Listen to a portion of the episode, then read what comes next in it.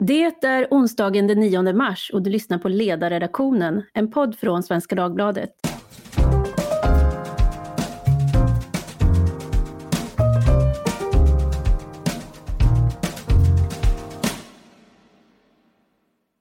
Jag heter Tove Livendal och igår höll statsminister Magdalena Andersson presskonferens för att informera om regeringens arbete med anledning av kriget i Ukraina. I samband med det kom frågan om svenskt NATO-medlemskap upp, vilket för egen del fick tankarna att vandra till den bakvända logiken som kan uppstå i tanken hos en kvinna som lever i ett destruktivt förhållande och blir misshandlad. Nämligen, det är mitt ansvar att inte göra något som kan reta upp honom. Jag måste ta ansvar för att inte ge honom anledning att slå. Uttalandet har givetvis väckt uppseende och fått stor internationell spridning.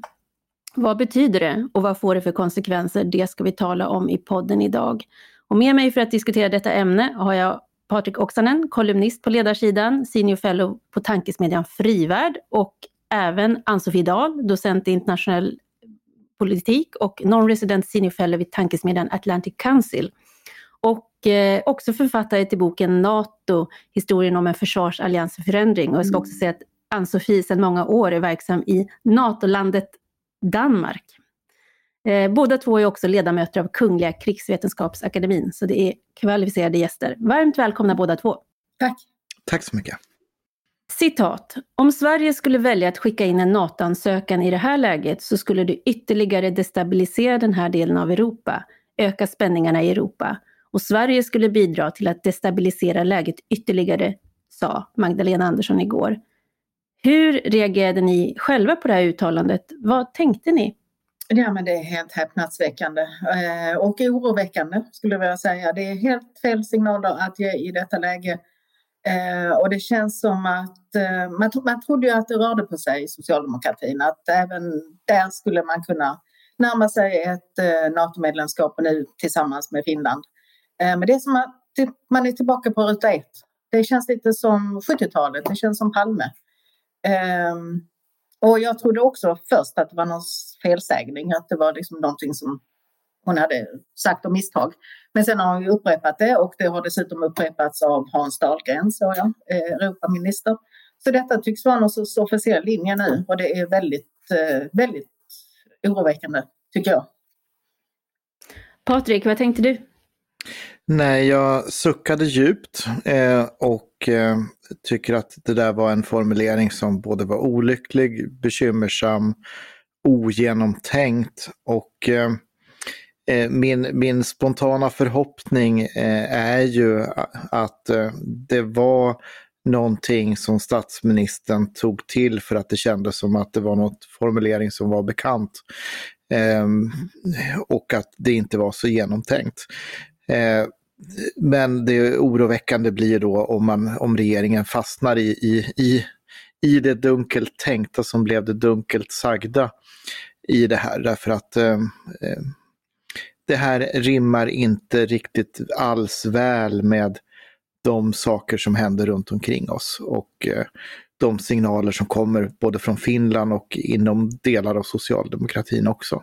Jag undrar hur, hur det här har liksom kommer mottas på, på olika håll. Jag tänker dels på NATO, Ann-Sofie, hur, hur påverkar det här bilden av Sverige som ett potentiellt kandidatland? Alltså I NATO tror jag att man, man gör som Patrik, man suckar djupt och som jag också. Eh, stor suck och lite känslan av here they go again, svenskarna. Att, eh, ehm, och irritation. Eh, och frågar liksom vad sysslar de med, svenskarna? Eh, jag är glad att jag inte sitter på Eh, det svenska NATO-kontoret i Bryssel. För de har nog väldigt eh, mycket att göra i dessa dagar. Många frågor från, från eh, olika delar av NATO om, om vad, vad som händer här. Eh, och det finns, eh, man ser väl, i NATO ser man det väl som ett bristande förståelse för vad NATO är och bristande engagemang och att detta att man alltid ska ha någon speciallösning i Sverige. Sen tror jag inte att en ansökan, om den skulle komma på något vis, skulle påverkas av detta. Utan i så fall har vi ett nytt läge och så går vi vidare därifrån. Ehm, men, eh, men det är klart att det är mycket irritation. Jag vet ju i Danmark, i Köpenhamn, så, eh, eh, så är frågan hela tiden, men varför går ni, går ni Sverige, inte bara med? Var, liksom, varför ska det krånglas hela tiden? Varför ska det vara så mycket speciallösningar för er.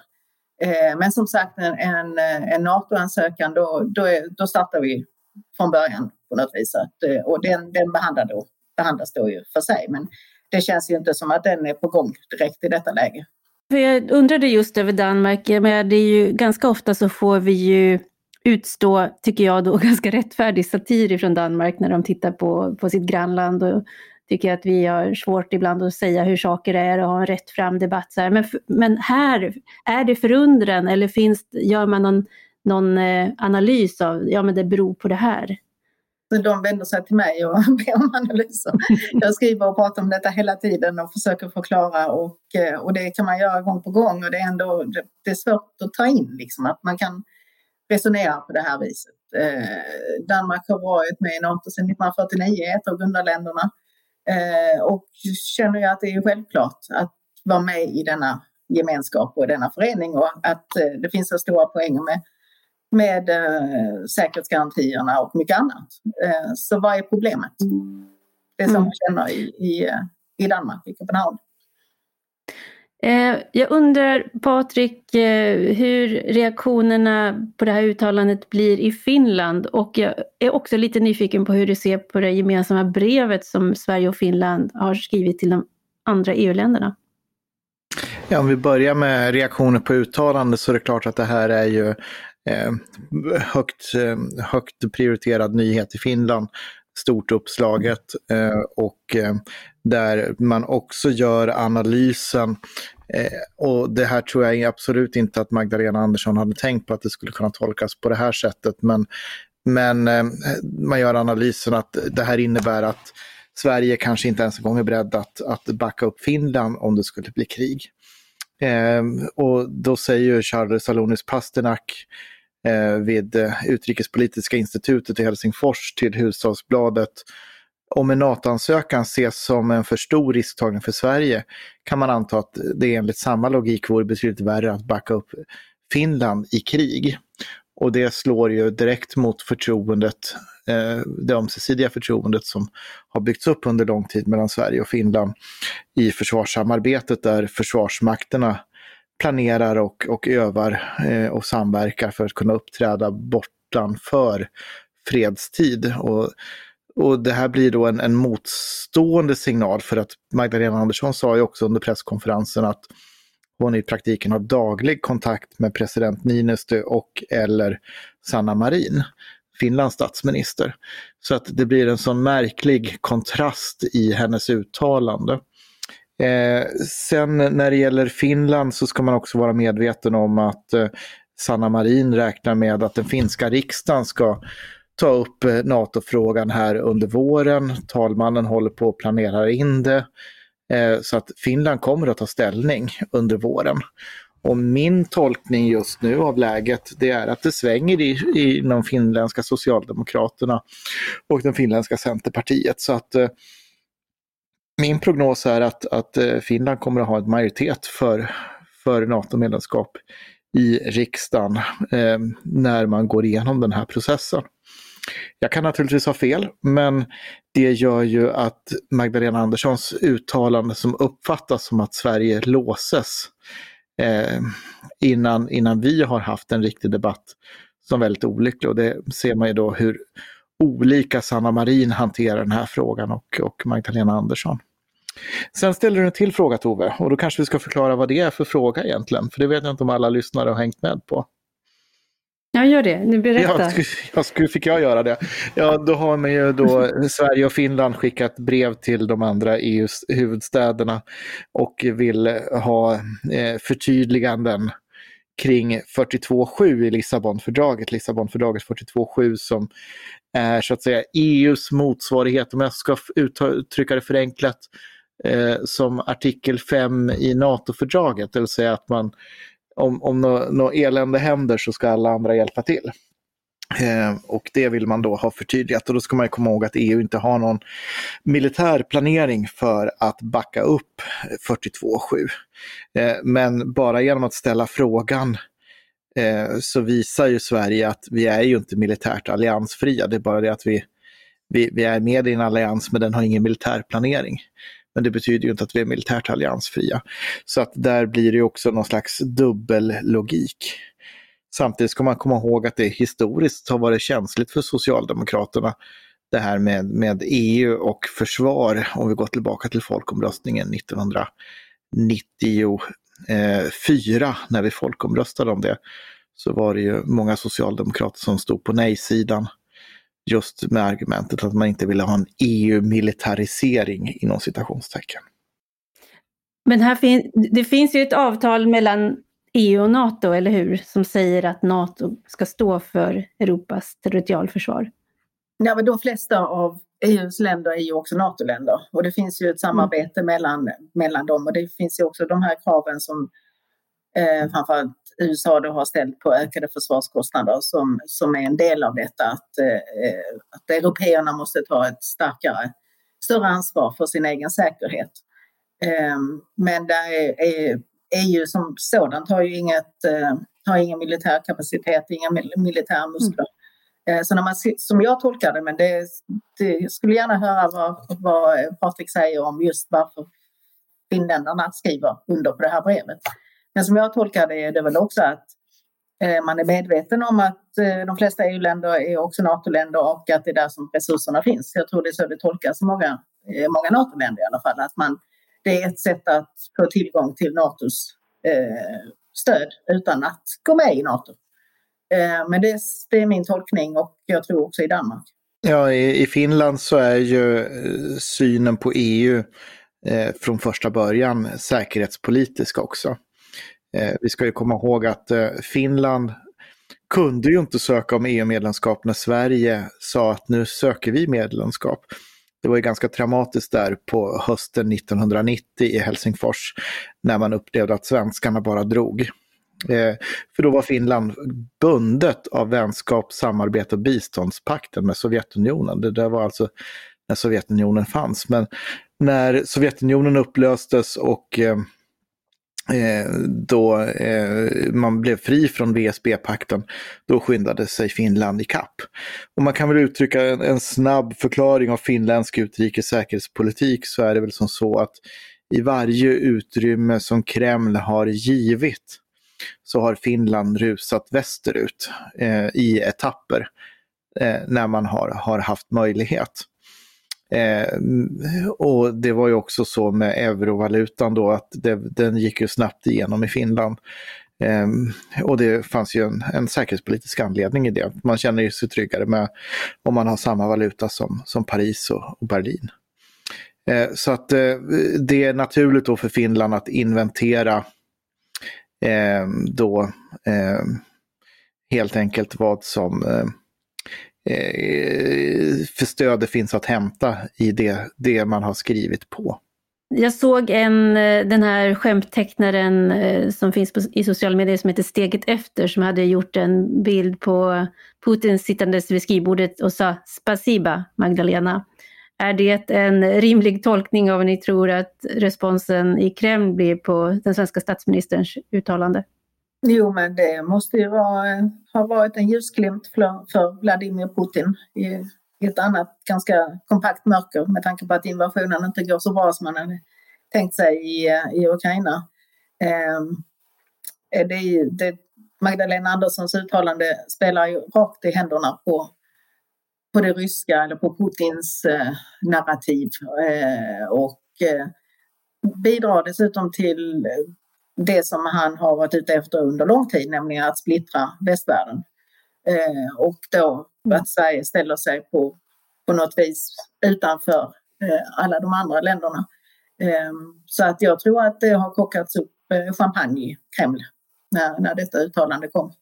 Jag måste fråga ändå, för att Eh, det blev ju många som eh, både blev förvånade och bestörta och eh, det är en del som har sagt, men vad har hon egentligen för rådgivare? Och i, i sociala medier så var det ganska tyst igår ska jag säga ifrån regeringssidan. Det var så Märta Stenevi, Ulf Bjereld och Helle Klein eh, ja, gav sitt bifall, men i övrigt så var det, ganska, det var många som låg lågt. Och jag undrar bara, om vi ska försöka vara lite kremlologer då, som det heter, vad är analysen bakom detta? För att, att slå fast det här innebär ju också att det här behöver Ja, men det här är ju då i så fall någonting som gäller framåt. Jag menar, då kan ju alltid, man kan alltid argumentera för att det är destabiliserande om Sverige på något sätt väljer att ta ställning. Så vad är, eh, vad, vad, är, vad är analysen bakom, om vi nu tar henne på orden och säger att det här är så som regeringen tänker sig att Sveriges säkerhetspolitiska linje ska vara? Som jag ser det så handlar det om klassisk socialdemokratisk utrikespolitik. Det är partiets bästa som går först eh, och landets bästa i andra hand. Eh, och Socialdemokraterna är uppenbarligen splittrade. Du nämnde Ulf Bjärd och Helle Klein, alltså den här gamla broderskapsrörelsen och, och eh, samtidigt som det är andra som har eh, uttryckt, eh, vad ska man säga, kanske att, att de har varit på väg mot att omvärdera NATO-frågan. Eh, så att eh, jag tror att det handlar om, eh, det är kanske krasst, men jag tror att det handlar om att eh, Magdalena Andersson värnar sitt parti. Eh, eh, och som, som du säger så kan man ju undra vilka rådgivare hon har. Och, och det är ju också skillnad mellan Sverige och Finland. I Finland så är säkerhetspolitik säkerhetspolitik. I Sverige så är säkerhetspolitik socialdemokratisk partipolitik eller i alla fall den officiella säkerhetspolitiken. Så att, eh, ehm, och det är väldigt, väldigt olyckligt eh, om man tänker i sådana i såna termer. Sen kan man också konstatera att det ett NATO-medlemskap hade absolut inte varit eh, destabiliserande men hennes uttalande kan ha en destabiliserande effekt. Ja, alltså jag vill, vill ju fortfarande gärna tro att det här var någonting som statsministern ångrar därför att det här gynnar ju inte heller det socialdemokratiska partiet. Tänker man lite mer strategiskt om man är socialdemokrat så ser man ju att det sker just nu en stark omsvängning inom socialdemokratin till förmån för NATO-medlemskap. En majoritet av S-väljarna, senaste mätningen, eh, som jag såg, eh, ta ställning för NATO-medlemskap. Eh, och eh, sen kan man ju bara då, om, man, om, jag, om jag hade varit partistrateg, så hade jag ju då konstaterat att för varje dag vi ser Ryssland bomba sjukhus, skolor, civila eh, döda i Ukraina. Eh, för varje dag så tickar liksom en halv procent enhet över till, till NATO-sidan eller mer.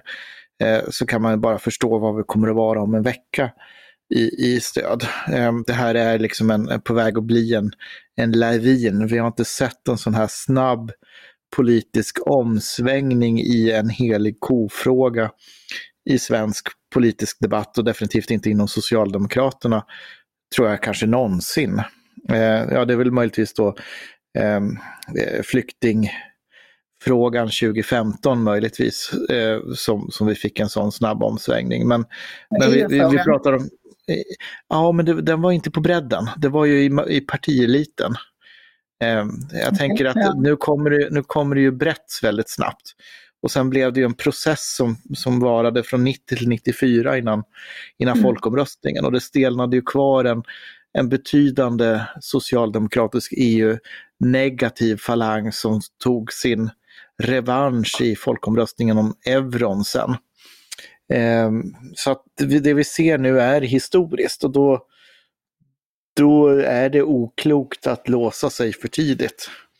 Ehm, för att då riskerar man att bli översköljd av, av vågen. Ehm, och det, det gör mig lite, lite bekymrad och så gör det mig väldigt bekymrad eh, ifall det är som så att den här låsningen kvarstår och Finland bestämmer sig för att söka medlemskap och frågan blockeras av av, av regeringen i Sverige så att vi inte har en, en, en parallell process. Och jag upplever att signalerna jag har fått från Helsingfors på olika sätt, det har ju varit att betonat att det är viktigt att Sverige och Finland går hand i hand i processen. Och därför så förvånar det också att eh, Magdalena Andersson ger intrycket av att vilja lägga locket på efter gårdagen medan Sanna Marin har lyft på locket och säger låt grytan koka. Eh, så att eh, jag är bekymrad över det. Jag ska bara ställa frågan så att den är, är lagd på bordet, den här djävulens advokat. Eh, finns det, så här, överdriver vi betydelsen av det här? För jag tänkte Ann-Sofie, du sa att i samma stund som Sverige skulle lämna in en ansökan om medlemskap, då, då är det det som gäller och då är det fokus på den processen. Eh, så att frågan är liksom, en svensk statsministers uttalande, vilken påverkan har det i, på det säkerhetspolitiska läget? Spelar det, vilken roll spelar det här? Alltså det, jag skulle också gärna vilja se det här som ett enstaka uttalande som har gjorts eh, ganska ogenomtänkt. Men det, hon har ju upprepat det och eh, det är andra i regeringen som har sagt samma sak, Hans Dahlgren till exempel. Så att jag undrar om det, om det är så ogenomtänkt egentligen.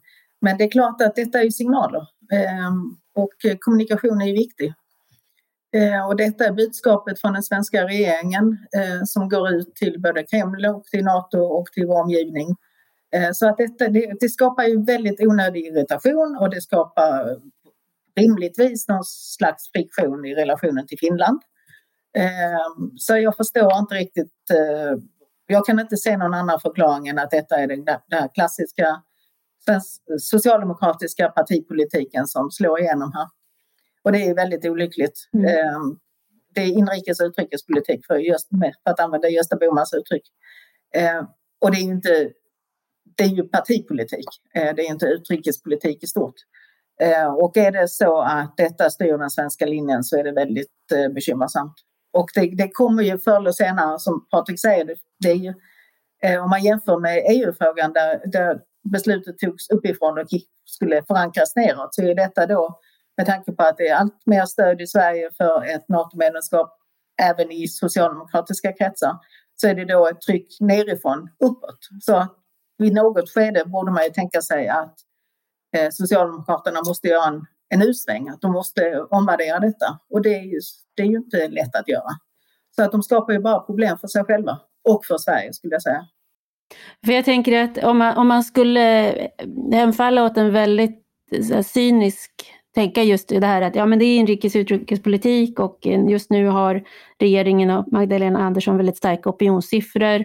Och även om opinionen håller på att svänga så kanske det också finns en fundering på hur, hur eh, om det är en svängning eller om det är en våg som sen går tillbaka. Att, att, att den svenska opinionen förändrar sig igen i ett annat läge. Och, men jag tänker i så fall så hade hon hade ju kunnat svara på ett annat sätt för nu tar hon ju ändå ställning för en säkerhetspolitisk syn som eh, om, om det är vad hon tror så tänker jag då som sagt att då måste den gälla även om, om fem år.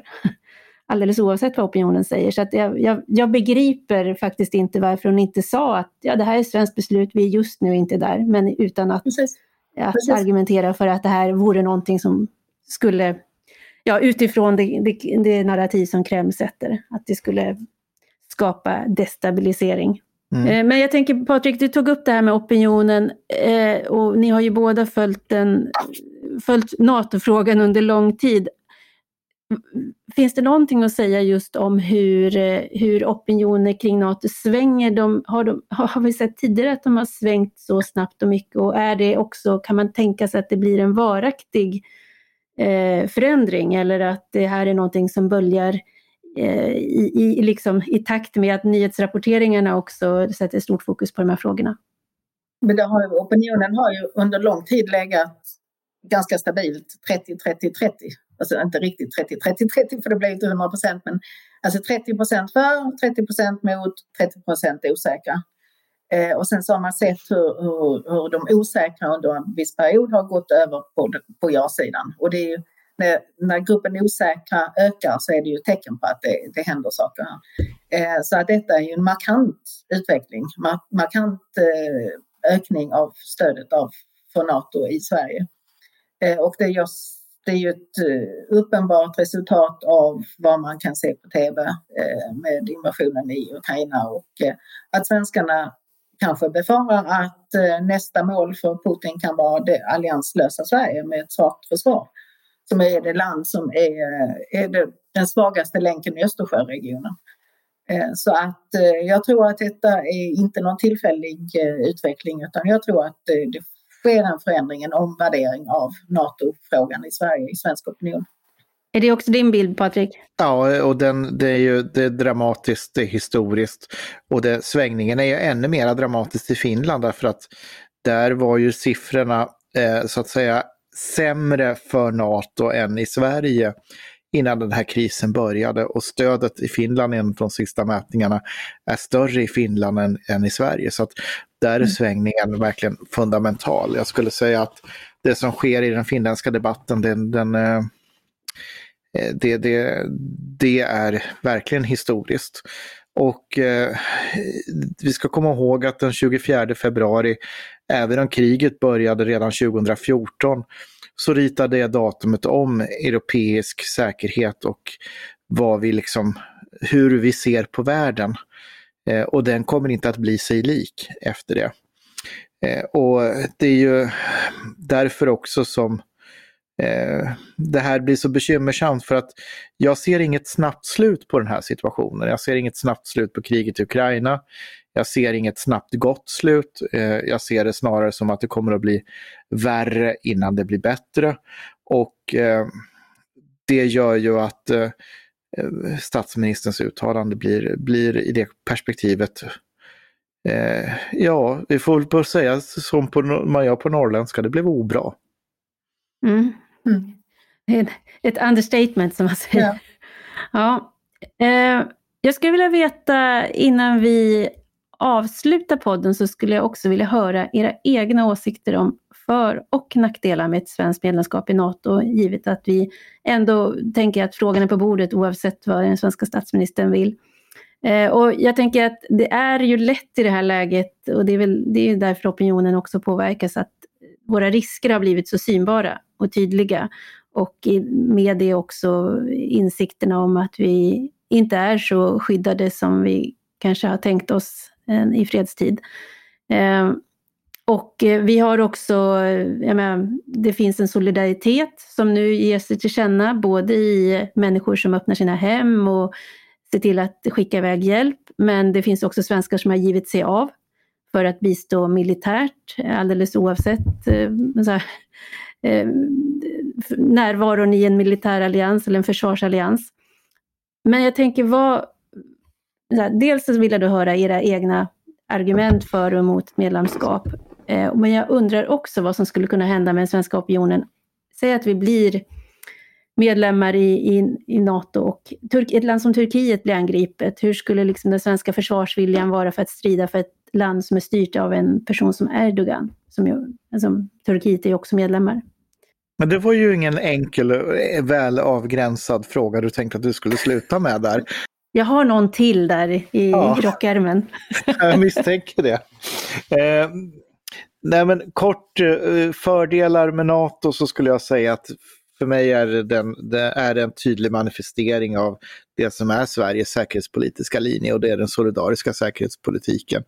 Vi, vi säger ju också i vår ensidiga solidaritetsdeklaration att händer något med våra nordiska grannar eller en EU-medlem så står vi inte på sidan om. Eh, det, det, och naturligtvis så är det som så också att det är klart att det ger ett, ger ett skydd att USA är, är med i det eh, och med den militärmakt som, som USA kan mobilisera. Men, men för mig är det i grund och botten det solidaritet, det solidaritet med närområdet, underlätta försvarsplanering. Eh, så. Sen så ska vi ju inte skönmåla NATO. NATO är en byråkratisk organisation. Alla byråkratier har sina problem och sina downsides i det. Eh, i, i, allt vad det innebär med, med, med, med byråkratier helt enkelt. Eh, men, men det är det bästa verktyg vi har och hade vi inte haft NATO så hade vi behövt uppfinna det. Eh, sen Turkiet, det är klart att det är väl ingen som är sugen på att försvara Erdogan. Men vi ska ju komma ihåg att NATO träder ju inte i kraft med artikel 5 ifall ett NATO-land bedriver ett anfallskrig. Det är en försvarsallians. Eh, så att eh, om, om Erdogan orsakar någonting på egen hand så blir det inte en NATO-fråga. Eh, men det är klart att om någon större makt anfaller Turkiet, ehm, då, då är det klart att den solidariteten omfattar även Turkiet. Eh, jo, men det, jag håller helt med om att det är eh, det handlar mycket om solidaritet och det är ju ett ord som används mycket i Sverige i andra, i andra sammanhang. Eh, att man, eh, man är med och försvara varandra och man är redo att ställa upp och försvara sina vänner och sina grannar. Och Sverige som ett, eh, en gammal demokrati, en naturlig del av västvärlden, borde naturligen också ingå i detta. Det är väldigt apart att Sverige inte är med i NATO tycker jag, av den anledningen. Och sen är det ju det, som jag ser det så finns det ju bara fördelar med, med NATO. Eh, jag, jag, har jobbat med NATO både som akademiker och på andra vis eh, i Danmark. Eh, och man ser då eh, de stora fördelar som finns när man, man är med i en organisation. Det är precis som man upptäckte också i Sverige. Eh, när Sverige gick med i EU, att plötsligen så öppnade sig alla möjliga möjligheter. Och det framförallt handlar det om att man, Sverige omfattas av artikel 5, de kollektiva säkerhetsgarantierna. att man deltar i den operativa planläggningen, att man, man är med att, och planerar det egna försvaret och det gemensamma försvaret. Och att man är med i beslutsfattandet. Det är någonting som kanske inte alltid man tänker på men Eh, och nu talas det om att Sverige och Finland bjuds med på möten i, i NAC. Eh, ja, och det har man gjort tidigare också när det handlar om Afghanistan, så att också Sverige och Finland med i NAC. Men det är bara de mötena som avhandlar det och Sverige och Finland är inte med och fattar några beslut. Man åker ut i korridoren så fort det handlar om något annat och så fort det handlar om beslutsfattande. Eh, och, ehm, eh, och det här med, med Turkiet, alltså det är ju, dealen är ju att om ett eh, om ett land blir angripet så kommer de andra till dess assistans eller till dess hjälp. Eh, och det kan man inte liksom fundera på från fall till fall. Eh, Sverige måste ju då bara klart deklarera att vi ställer upp och försvarar våra vänner. Och eh, det är klart, det är 30 stycken, det är en stor organisation. Eh, och som Patrik säger, eh, det finns många eh, många aspekter med denna väldigt stora byråkrati, men det är ju eh, våra vänners, eh, det är västvärldens försvarsallians och, eh, och det vore väl helt naturligt att Sverige var med i den. Eh, och man kan ju tänka på, eh, du nämnde Turkiet, men man kan ju också tänka på om inte de baltiska länderna hade varit med i NATO idag. Ja, då hade ju givetvis situationen sett helt annorlunda ut och de är ju väldigt tacksamma att de är det. Eh, och det är så apart att Sverige ska vara utanför detta. Det, det, är väldigt svårt att förstå, tycker jag, som jobbar med de här frågorna. Då ska ni få en sista nätt liten fråga. Kommer Sverige att bli medlem av NATO och i så fall när? Och vilka faktorer ska vi hålla ögonen på? Sverige kommer att bli medlem av NATO. Eh, den faktorn vi ska hålla ögonen på är Finland. Eh, och jag har tidigare sagt att det kommer att kunna gå väldigt fort eh, innan vi, vi är vid ett beslut att vi vill bli medlemmar. Eh, nu så får ju jag ett litet bakslag i min, min förutsägelse där efter gårdagens eh, presskonferens som eh, eh där stör den linjen. Men jag är så kaxig så att jag ändå säger att Sverige kommer att haka på Finland. Det kommer att gå väldigt fort. Eh, och eh, det kommer hända saker denna vår. Jo, men Sverige borde ha varit medlem, om inte, eh, om inte från 49 när det grundades, NATO grundades, så från 90-talet borde man ha gått med när det fanns en window of opportunity och det fanns ju också en, en eh, tanke om att Sverige och Finland skulle gått gemensamt då. Eh, sen hände det en massa saker som det stannade upp. Men eh, jag tror också som Patrik att eh, den dag det sker så sker det tillsammans med Finland. Men jag tycker också det är klokt av Finland att inte sitta och vänta på Sverige. Det gör man alldeles rätt i. Sverige, Socialdemokraterna är ju inte det enda partiet i Sveriges riksdag. Eh, och eh, det är val den 11 september. 11 september av alla datum. Eh, och eh, man kan ju hoppas då, eller förvänta att det blir ett NATO-val. Eh, att NATO-frågan och försvaret det kommer på eh, kommer på agendan där. Eh, och ehm, och det finns ju redan alla de borgerliga allians, gamla allianspartierna är ju för NATO-medlemskap. SD håller på och svänger. Socialdemokraterna verkar också ha en process på gång.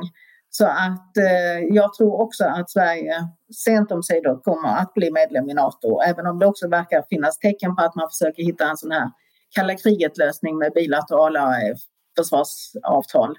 Alltså utökade bilaterala försvarsavtal med USA och Storbritannien. Eh, sen tar det ju en stund från eh, ansökan till eh, att man blir medlem. Det har jag skrivit om i Svenska Dagbladet på ledarsidan. Eh, men eh, eh, Sverige är ju liksom Finland oerhört eh, långt framme i hela den här MAP-processen, alltså Membership Action Plan. Så den, det skulle klaras av ganska snabbt. Eh, och sen så det som hakar upp sig alltid och tar tid, det är ju ratificeringen. Eh, men i bästa fall så kanske man kan hoppas på eh, medlemskap under, under 2023. Men det är kanske att vara optimistisk, men man kan ju hoppas.